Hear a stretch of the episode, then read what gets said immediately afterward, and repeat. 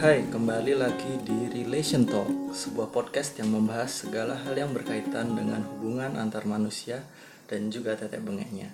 Bersama saya Boni dan rekan saya. Bona. Nah, kami akan berbagi hal mengenai pernikahan yang tidak direstui orang tua. Benar bukan? Mhm. Nah, gimana nih teman-teman masih pada sehat kan di masa-masa corona seperti ini? Nah, kalau kita lihat nih di masa-masa corona seperti ini kan banyak orang yang udah bikin planning jauh-jauh hari terus harus terpaksa diundur bahkan dibatalkan. Mungkin teman-teman yang pengen mudik eh, mereka harus terpaksa nih batal mudiknya karena kan kita lihat nih pemerintah melarang untuk mudik kan ya. Lagi- Kalau mudik nggak boleh, nggak nggak boleh. Tapi kalau pulang kampung boleh. Pulang kampung boleh, tapi mudik nggak boleh. Liburan boleh. Oh gitu ya. Mudik nggak boleh. Pebisnis boleh naik pesawat. Boleh. Oke. Nah, kalau kita lihat nih kan baik nih orang-orang yang mencoba untuk mudik dengan cara-cara yang lucu nih. Kalau Gona lihat kan ada orang yang coba naik mobil, terus mobilnya diderek. Oh iya, ada yang mobil, mobilnya masuk ke mobil box. Eh, kargo ya? Mobil Iya. apa? Truk, truk kargo. Ada yang naik bis tapi di dalam kompartemen yang di bawah itu apa sih? Bagasi, bagasi. bawah. iya. Ketahuan juga ya akhirnya ya. semuanya ketahuan tapi sebenarnya kayaknya yang nggak ketahuan juga banyak sih Oh iya, ada punya teman yang mudik terus nggak ketahuan gitu. Ada tapi memang kesannya jadi legal karena dia minta surat tugas dari manajernya Mm-mm. terus manajernya kasih. Karena emang dia tuh sebetulnya kantornya di jadi kantor dia ini punya dua cabang gitu lah. Yang satu di Bandung yang satu di Jakarta. Nah dia ini sebenarnya staff untuk kantor yang Bandung tapi dia memang lagi ditugaskan untuk klien yang ada di Jakarta. Sebetulnya tugas dia di klien yang di Jakarta tuh belum selesai masih panjang. Tapi ya karena kondisinya gini dia juga kerja dari rumah kan. Maksudnya waktu itu berarti dia kerja dari eh, tempat tinggal yang disediakan sama klien. Tapi terus kayaknya dia pengen mudik dia minta aja itu apa surat tugas dari manajernya terus dia naik motor dari Jakarta ke Bandung. Dari Jakarta ke Bandung. Heeh, terus aku nanya kok bisa ya? Maksudnya eh oh karena dia bilang dia udah bawa surat tugas jadi aku nanya oh jadi waktu ditanyain kamu bilang apa? Terus dia bilang enggak sih sepanjang dari Jakarta sampai Bandung itu cuman diberhentiin dan ditanyain satu kali. Di? Itu pun di Bandung Barat. Jadi waktu dia mau masuk Bandung Barat itu baru itu ditanyain maksudnya diberhentiin terus ditanyain kan "Eh, dari mana? Terus dia nunjuk nunjukin surat tugas. Habis dia nunjukin surat tugas terus dia bilang saya mau ke duh nama daerah tinggalnya apa sih? Pokoknya dekat-dekat kantor di Bandung sana lah. Dia juga ngekos di sana sebetulnya. Hmm, terus ya udah sama sama polisinya cuman ya udah lewat aja. Berarti Cikarang Cikampek lolos ya. Mm, Bekasi dan segala macamnya itu lolos dia Karena naik motor ya nggak lewat tol ya Hmm, makanya bisa jadi Oke oke.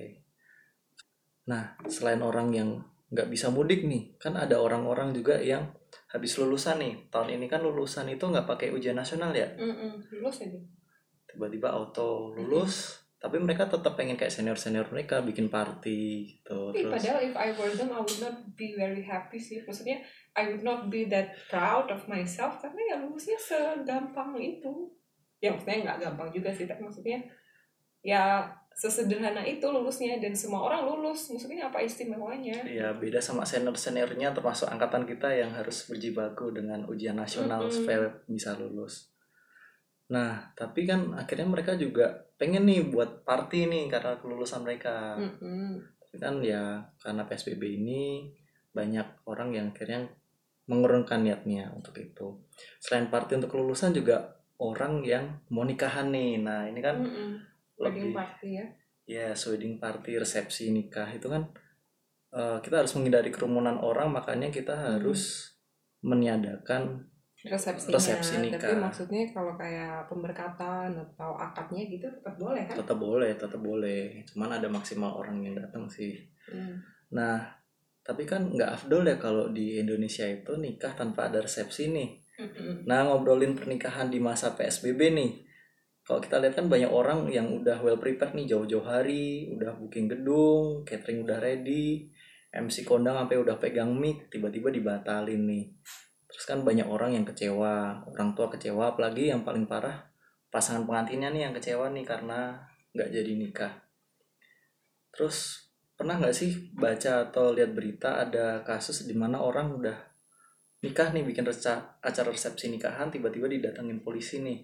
Ada kan banyak kan maksudnya di TV juga disiarin kan ada beberapa yang didatengin polisi suruh bubar gitu. Iya itu kan apa nggak nggak malu banget ya? Misalkan kita jadi tamu dateng lagi mau ambil ayam nih tiba-tiba didatengin polisi suruh bubar. iya tapi kalau aku bilang sih sebetulnya yang salah nggak cuma yang bikin acara resepsi tapi termasuk yang datang maksudnya kan kayak kita ada beberapa undangan nikah kan selama PSBB ini sebetulnya yang mereka tetap mengadakan dan kita tetap diundang. Tapi ya ya kan itu kalau kita sadar ya kita nggak akan datang gitu loh. Nah tapi kan itu sebenarnya ya mereka yang bikin acaranya salah yang datang juga salah, salah. jadi harusnya yang malu tuh dua-duanya. Terus Iya. kalau aku concernnya lebih ke itu uang yang udah dipakai buat apa tuh bayar catering terus bayar dekor bayar MC bayar musik gitu. Itu kan jadi hilang gitu aja ya. Maksudnya mereka udah bayar mahal-mahal beberapa orang kan sampai memutuskan untuk berhutang supaya bisa party. Dan mostly kalau orang Indonesia kayaknya party itu ajang untuk eh, apa sih bangga banggaan kita sama temen gitu loh. Kayak oh party kita lebih oke party mereka ya biasa aja Benar benar. Jadi strata sosial atau kekerenan tuh dihitung dari bisa Ya. party gedenya atau enggaknya gitu Hmm. ya. Mm-mm. Tapi bukannya itu biasanya ekspektasi orang tua ya kalau anak-anak zaman now kan kayak prefer untuk nikah yang lebih sederhana nggak sih? Atau masih ada Hmm. anak-anak zaman now yang ada lah maksudnya ada kok anak-anak yang justru emang kayak orang tuanya mungkin udah eh, nothing tulus ya maksudnya udah dia terserah gitu karena mungkin lihat saya anaknya banyak terus ini udah anak kesekian terus orang tuanya mungkin udah capek terus secara dana juga ya kalau orang tua semakin menua terus mereka pensiun kan lama-lama juga duitnya habis ya maksudnya Iya. mereka mau modalin anak party gede juga mikir. Nah, mungkin nggak cuma orang tua, eh, orang tua sih biasanya iya ya. Maksudnya kalau mereka ada duit, mereka pasti maunya gitu. Tapi kalau anak-anak tuh, eh, kalau katanya penelitian kan bilang kalau anak-anak milenial itu lebih suka yang praktis, Yes, practicality, yes, benar. terus uh, utilitarian lah maksudnya ya kalau emang ada fungsinya ya ayo kalau nggak ada ya nggak usah gitu tapi jadi sebagian sebagian besar sih kayaknya kalau di angkatan-angkatan kita nih ya udah udah yang simpel-simpel aja daripada capek apa mm-mm. segala macam duit keluar hilang sehari duit nabung tiga tahun keluar sehari gitu kan tapi kayaknya emang orang tua sih yang paling banyak punya ambisi untuk ya bikin acara gede karena ya kalau udah di usia kayak orang tua orang tua tuh mungkin emang kebanggaannya kan anak ya Iya, gitu kan. iya. dan gimana cara dia nunjukin ke orang-orang kalau anak-anaknya itu anak-anak yang bisa dibanggakan maksudnya kalau kerjaan orang lain nggak bisa lihat bisa kita omongin tapi orang lain nggak bisa lihat prestasi bisa kita omongin tapi orang juga nggak bisa buktiin. Jadi ya menurutku kayaknya hal yang paling praktis untuk mereka bisa pamer anaknya ke pernikahan. orang-orang adalah dengan resepsi pernikahan yang wah. Jadi kelihatannya kayak oh anaknya nih pasti sukses duitnya banyak makanya pestanya bisa sampai kayak gini. Oh. gitu. Kayaknya sih tapi nggak tahu juga. Karena kalau orang tua aku nggak sih. Jadi ya aku nggak ngerti perspektif orang tua lain ya karena maksudnya I'm not very familiar with the other perspectives out of my families gitu loh Oke oke karena kok aku sharing sama teman-temanku sih banyak banget dari mereka yang pengen nikahan itu sederhana. Hmm. Cuman cuman nih orang tua mereka yang pengen nikahan itu lebih wah, lebih banyak orang yang datang, lebih banyak Hmm. bisa dilihat orang. Iya dan aku pikir yang punya pikiran kayak gitu tuh cuman orang-orang yang old school loh. Terus Iya. orang-orang yang kayak ya di desa terus orang-orang yang ya kehidupannya emang masih komunal banget. Misalnya kayak di desa di kampung gitu. Mm-mm. tapi ternyata tuh enggak. Even orang-orang yang udah new school gitu kelihatannya terus yang udah lama di kota very ya. very well educated udah lama di kota bahkan udah attending western weddings itu udah banyak banget. Maksudnya mereka pernah tinggal di luar negeri dan segala macam terus eh, kayak udah tinggal di kota terus gaya hidupnya udah modern banget. Tapi ternyata enggak. Mereka pun ternyata masih ada yang punya pikiran kayak gitu.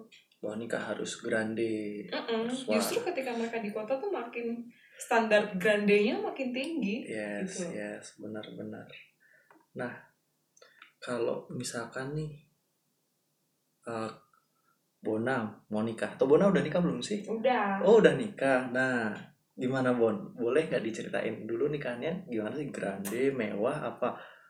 Yang ya kecil-kecil aja sederhana gitu. Ini acaranya ya? Acaranya. Acaranya. Kalau acara nikahanku itu sederhana. Mm-mm. banget.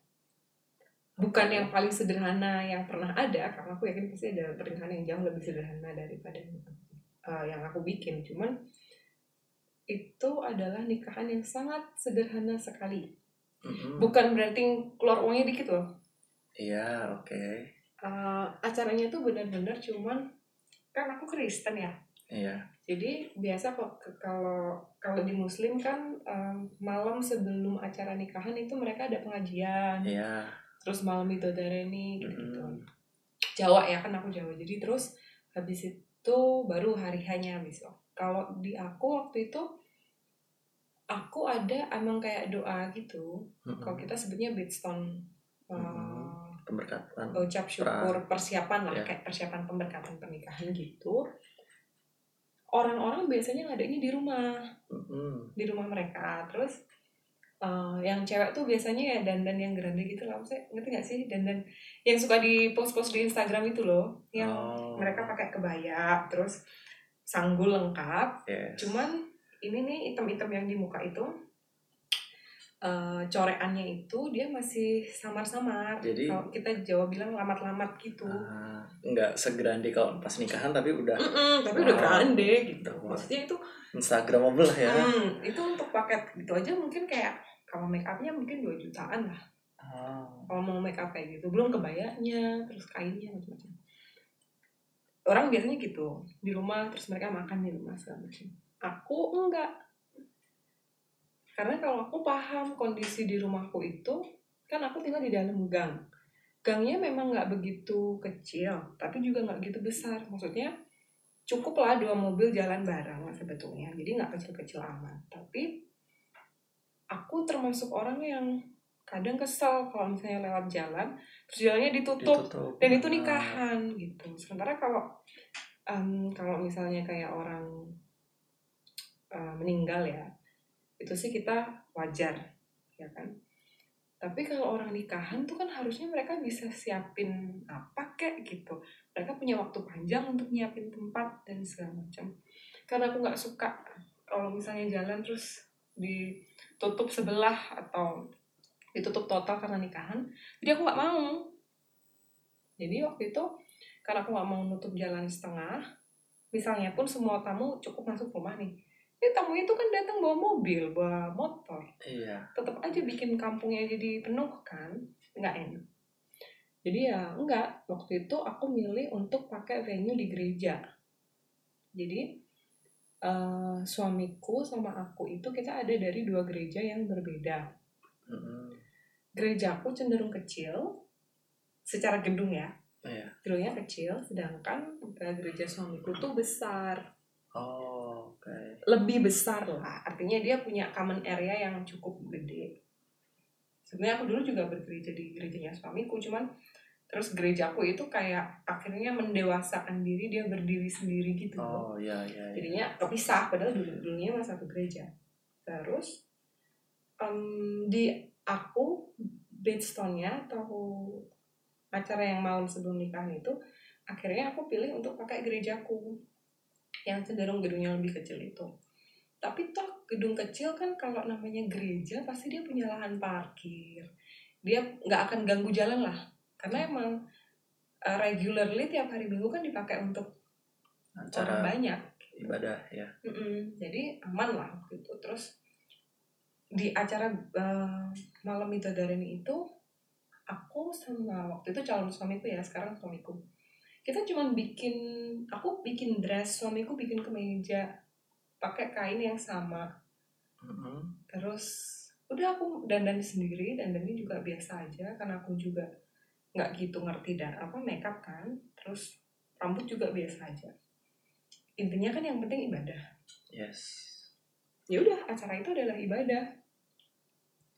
Eh, tamu-tamu yang datang itu tamu-tamu yang terbatas. Jadi benar-benar orang gereja sama keluarga. Keluarga besar? Keluarga nggak besar. Jadi keluargaku aja keluarga intiku terus sama kakak adiknya dan keponakan keponakannya ibuku. Karena kalau bapakku kan keluarganya muslim. Oh jadi oke. nggak ada yang datang. Iya. gitu. Jadi ya udah itu aja terus kita makan terus udah. Nah kalau di hari H pernikahannya nih? Hari H pernikahannya acaranya tuh siang. Emang aku bikin mendekati jam makan siang. Oh biar pas ya makan biar siang pas habis ya. itu makan siang. Aku nggak bikin undangan. I mean aku bikin tapi bukan undangan yang disebarin terus tulis nama satu-satu gitu enggak. Jadi bentuknya soft file oh. Jadi kayak cuman gambar bukan soft file kayak orang-orang yang pakai website yang web based gitu loh enggak Iya. juga. Cuman aku bikin kayak apa sih kayak brosur kali ya. Tapi intinya undangan nikahan. Hmm, tapi bukan mengundang. Tapi gimana ya? Pemberitahuan gitu. Nah, intinya di situ tuh aku eh, aku juga cuma kirim ke beberapa temen maksudnya temen yang intens berkomunikasi dan berinteraksi sama aku aja. Mm-mm. waktu itu temen kantor terus kalau kayak temen SMP temen SD itu paling cuma satu dua yang emang deket banget. Oke. Terus orang-orang gereja Eh, di undangan itu cuman aku kasih tahu bahwa aku dan suamiku akan menikah di tanggal sekian jam sekian tempatnya di sini. Mm-mm. gitu. Intinya mohon dukungan doa dan bla bla bla bla bla. Terus aku tulis tuh dengan tidak mengurangi rasa hormat kami tidak menerima sumbangan dalam bentuk apa pun. Tidak menerima sumbangan dalam, bentuk, apa pun. gitu. Itu kan nggak lazim ya di Indonesia ya? Enggak. Emang apa? Kenapa tuh kepikiran kayak gitu tuh? Karena apa ya buatku kan aku yang lagi seneng aku yang lagi pesta. Terus kenapa sih? Maksudnya aku nggak ngerti. Pasti ada logiknya ya orang zaman dulu tuh bikin acara sumbangan gitu. Tapi to me it just doesn't make sense. Kamu undang orang datang tapi kamu nyuruh orang masukin duit. Ya kayak dipalak gitulah ya kalau orang Iya Jawa kan? bilangnya ya. Maksudnya itu jadi memposisikan orang lain itu ada di posisi yang serba salah. Kita nggak datang, ini kalau aku sebagai posisi orang yang diundang ya, kalau kita nggak datang, disangka menghindari nyumbang. benar benar Tapi kalau kita datang, harus nyumbang. Ntar kalau sumbangannya kecil gimana? Kalau sumbangannya gede gimana? Ngerti nggak sih? serba salah lah ya Maksudku kan itu tuh jadi, aku merasa itu jadi beban buat orang lain. Padahal aku pengennya, ya if you like me, you care, terus kamu emang sayang sama aku, ayo datang. Maksudnya ramein yuk acaraku datang. Maksudnya witness ini loh satu momen hidupku ini gitu. Tanpa aku mau membebani mereka dengan macam-macam gitu loh. Kan kita nggak tahu ya, maksudnya eh, ada orang yang kelihatannya kaya ke mana-mana naik mobil, tapi belum tentu juga loh mereka itu tiap hari punya apa eh, petty cash yang cukup gitu atau at least ya siapa siapa tahu mereka hidupnya hanya cukup untuk dari hari ke hari karena ada cicilan dan segala macam. Ya belum lagi kalau orang-orang di desa terus simbah-simbah yang pensiunan gitu. Karena kan aku di gereja aktif jadi aku tuh berinteraksi dari mulai anak kecil aku ngajar sekolah minggu sampai ke orang-orang tua yang aku ikut kelompok merajut mereka dan sebagainya. Oh. aku ikut paduan suara sama simbah-simbah gitu. Jadi aku hanya tidak mau mereka tuh datang dengan beban gitu loh dengan pikiran gitu. jadi aku pikir udahlah it just doesn't make sense to me. Kamu undang orang untuk ke partimu tapi kamu ngarepin dibayar. Eh, eh, ngarepin duit. Bukan ngarepin duit ya kamu nyuruh mereka bayar gitu. Dan kadang juga gini karena kan aku akan pergi ke Jakarta. Setelah nikah pindah ke setelah Jakarta nikah aku ya. akan pindah ke Jakarta. Yang akan ada di rumah itu kan ibuku sebetulnya dan bapakku yang namanya orang nyumbang itu kan kalau orang Jawa tuh kayak ada sistem balik ke ngembaliin. Jadi, jadi utang piutang gitulah ya. Eh, mereka tuh ngitungnya kayak ngitung utang. Jadi kayak Iya. gini loh kenapa kalau orang bu- ngebuka sumbangan nikahan itu tuh sampai dihitung sampai dicatat bu ini sekian bu ini sekian bu ini sekian. Karena biar besok kalau anaknya dia nikah ibuku akan memberikan hal yang sama. Minimal gitu loh. Kayak ngembaliin kan jatuhnya dan aku nggak mau jadi beban buat ibuku. Jadi aku pikir ah udahlah kalau aku tuh enak aku mah tinggal pergi gitu. Udah nggak peduli lagi sama mereka kan? Tapi ibuku yang masih di situ kan akan jadi beban buat ibuku bapakku. Maksudnya nanti kalau anaknya temannya itu nikah ibu jadi merasa harus mengembalikan dengan nominal yang sama kan gitu. Jadi ya udahlah nggak usah pakai sumbang-sumbangan lah gitu. Dan aku juga tipe orang yang aku justru malu dan aku justru terbeban kalau mereka nyumbang. Kalau mereka nyumbang terus makanannya nggak enak iya. kalau mereka nyumbang terus makanannya kurang benar. kalau mereka nyumbang terus akunya kurang cantik iya. jadinya lebih kalau aku sih lebih enak udah nggak nggak usah nyumbang. Jadi udah nggak ada beban satu sama lain. Mereka datang juga nggak ada beban. Aku juga menjamu mereka tuh tanpa ada beban, juga. Iya. Gitu berarti yang diundang cuma dikit dong waktu itu? Kan sistemnya nggak ngundang kan sebetulnya lebih ke pemberitahuan. Pemerintah aku lebih ke broadcast pemberitahuan aja dan kan pemberitahuan itu bisa mereka forward ke orang lain dan aku nggak tahu. Dan akhirnya yang datang berapa tuh? Di banyak banget. Oh iya. Jadi gereja itu mereka bilang gereja eh, dari pihak gereja bilang kapasitasnya 400 ya kalau nggak salah. Oh. 400an Oke. gitu 400 500 lah. Itu penuh. Wow itu penuh banget. Kaget sih maksudnya ah bisa sebanyak ini yang datang padahal aku nggak kasih undangan. Memang sih kan kalau di dalam aturan gereja itu kalau orang mau nikah diberkati di gereja pasti ada pengumumannya dua minggu berturut-turut sebelum hari pernikahan. Di sem- kayaknya di semua gereja Kristen gitu ya. Ada kok. Waktu itu diumumin namaku nama suami nama orang tua kita gitu kan nama orang tua sama suami. Diumumin di kedua gereja itu Iya kan sebenarnya semua pernikahan kayak gitu ya tapi di semua pernikahan nggak sebanyak itu yang datang. Iya, jadi bingung. Karena kan aku dulu juga bergereja di gerejanya suamiku jadi aku tahu biasanya kayak seberapa gitu loh kalau orang nikah datangnya. Itu tuh banyak banget.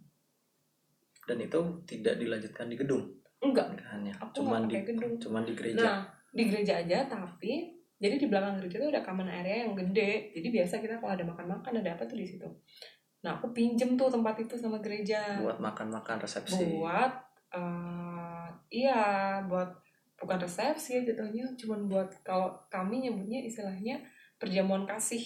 Oh jadi kita menjamu karena atas dasar kasih gitu loh. Kayak ya aku seneng kamu udah dateng kayak Terus, ya thank kamu you ini ya ada thank you makanan. nih yuk makan yuk rame-rame sama aku gitu loh. Terus nggak ada acara salam-salaman gitu? Oh kalau salam-salaman ada. Maksudnya eh kalau di gereja itu kan dalam tata ibadah kebaktian ibadah kebaktian tata ibadah pemberkatan pernikahan itu pasti di akhir eh, pasangan pengantin sama orang tuanya disuruh berdiri menghadap ke jemaat.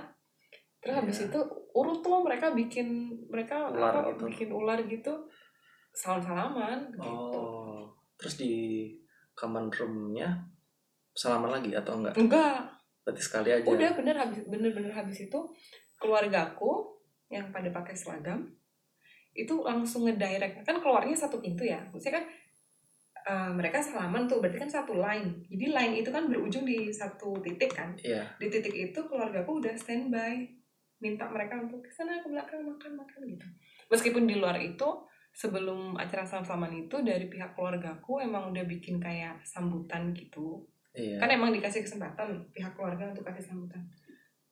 Keluargaku kasih sambutan intinya bilang bahwa di belakang kami ada acara. Maksudnya kami sudah siapkan perjamuan kasih. Silakan untuk maksudnya ikut menikmati bareng-bareng kita. Gitu. Hmm, berarti itu sebuah pernikahan yang kalau buat aku nih ya orang Jogja yang udah datang ke banyak sekali acara pernikahan itu kan kayak nggak lazim ya. Kayak orang kan biasanya dari gereja atau dari akan nikah terus terus ke gedung. nunggu berapa lama ke gedung ke gedung mewah terus ada acara salam salaman lagi gitu ya. Mm-mm. yang buat mereka nggak lazim pasti. Dan itu kan biasanya makan waktu dari start sampai akhir bisa sampai 4 jam 5 jam lah ya. Waktu itu berapa lama tuh nikahan tuh acara? itu tuh jadi pokoknya gini eh, acara pemberkatan pernikahan tuh sekitar jam setengah sebelas. Setengah sebelas ya lupa. Pokoknya run pemberkatan pernikahan tuh satu jam habis itu makan-makan. Terus kayaknya kalau nggak salah jam satu jam setengah dua itu udah beres.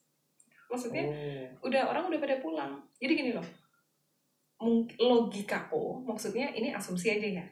Mungkin mereka habis makan puas pulang. Nggak kayak kalau di gedung. Kalau di gedung kan mereka ngerasa nyumbang nih.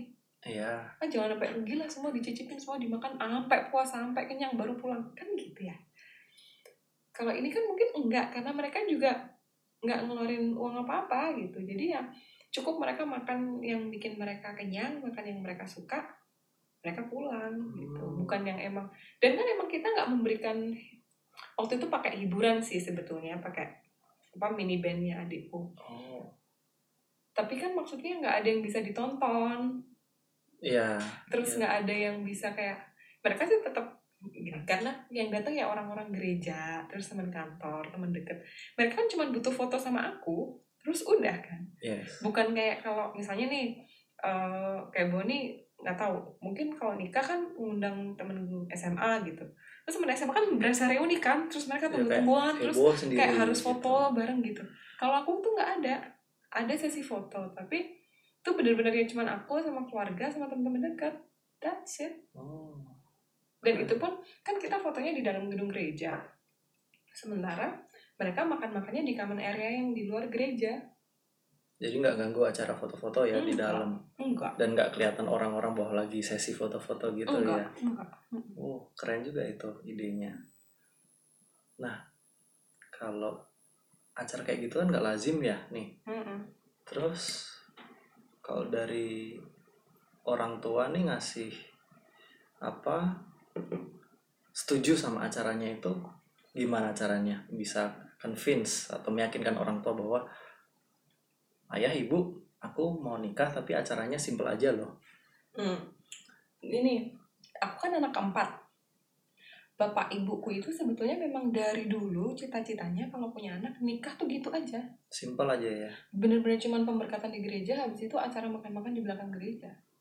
Oh berarti justru ini malah dream Iya, weddingnya iya. dari orang tua ya? Sementara di kakak pertama itu tidak tercapai. Karena kakak pertama waktu itu kan cucu pertama di keluarga besar. ya dia harus grande. Dan keluarga besar keluarga besar bapak keluarga besar bapak itu kan keba- kebanyakan muslim. Jadi mereka masih punya obsesi yang sangat tinggi. Ya kalau nikahnya cuma di gereja terus makan makan di gereja kita nggak bisa datang dong gitu. Terus ya kita kan nggak enak. Ya udah deh akhirnya diakomodir kita ke gedung deh gitu terus eh, yang nomor dua kebetulan dapet nikah sama eh ini eh, keturunan WNA eh, Chinese ya Nah, kita Jawa, mereka kan Chinese. Nah, ya kita kan mau tolerate dong, mereka punya budaya gitu-gitu. Terus kayak emang harus ada partinya. jadi terus pernikahan dua budaya gitu Du- ya keren terus waktu itu maksudnya duitnya juga ada ya ya udahlah nggak apa-apa gitu. Maksudnya ibu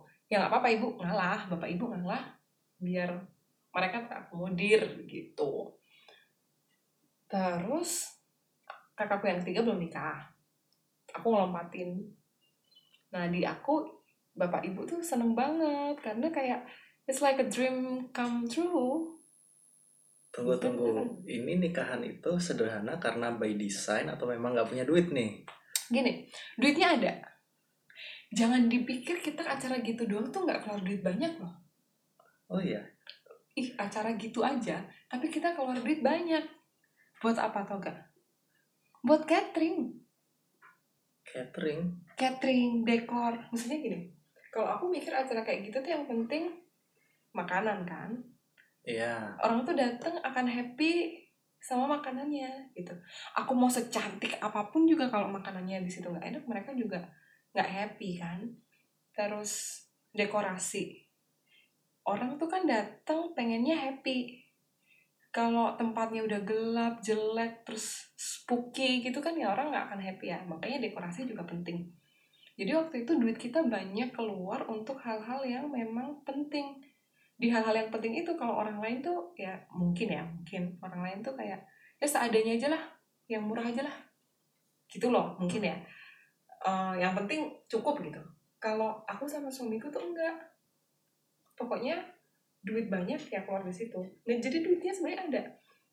Itu kita ya kita waktu itu habis yang terhitung itu sekitar 70-an 70 80 70 80 Iya. juta. Iya, itu yang gede-gede. Itu yang gede-gede. Gede-gede dalam artian ya. Iya, gede-gede dalam artian makeup, dekor, terus makeup, dekor, terus apa eh, catering, terus seragam saudara-saudara, Eh, apa lagi? Udah, itu doang.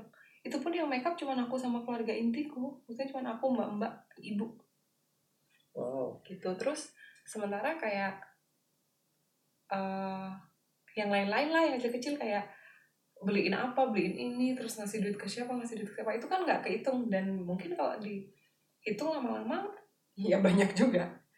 Jadi mungkin tuh ya kayak kita keluar mungkin kalau yang kehitung dari yang gede-gede itu sekitar 70-80 karena kita emang maunya jangan sampai makanan kurang jangan sampai makanan nggak enak.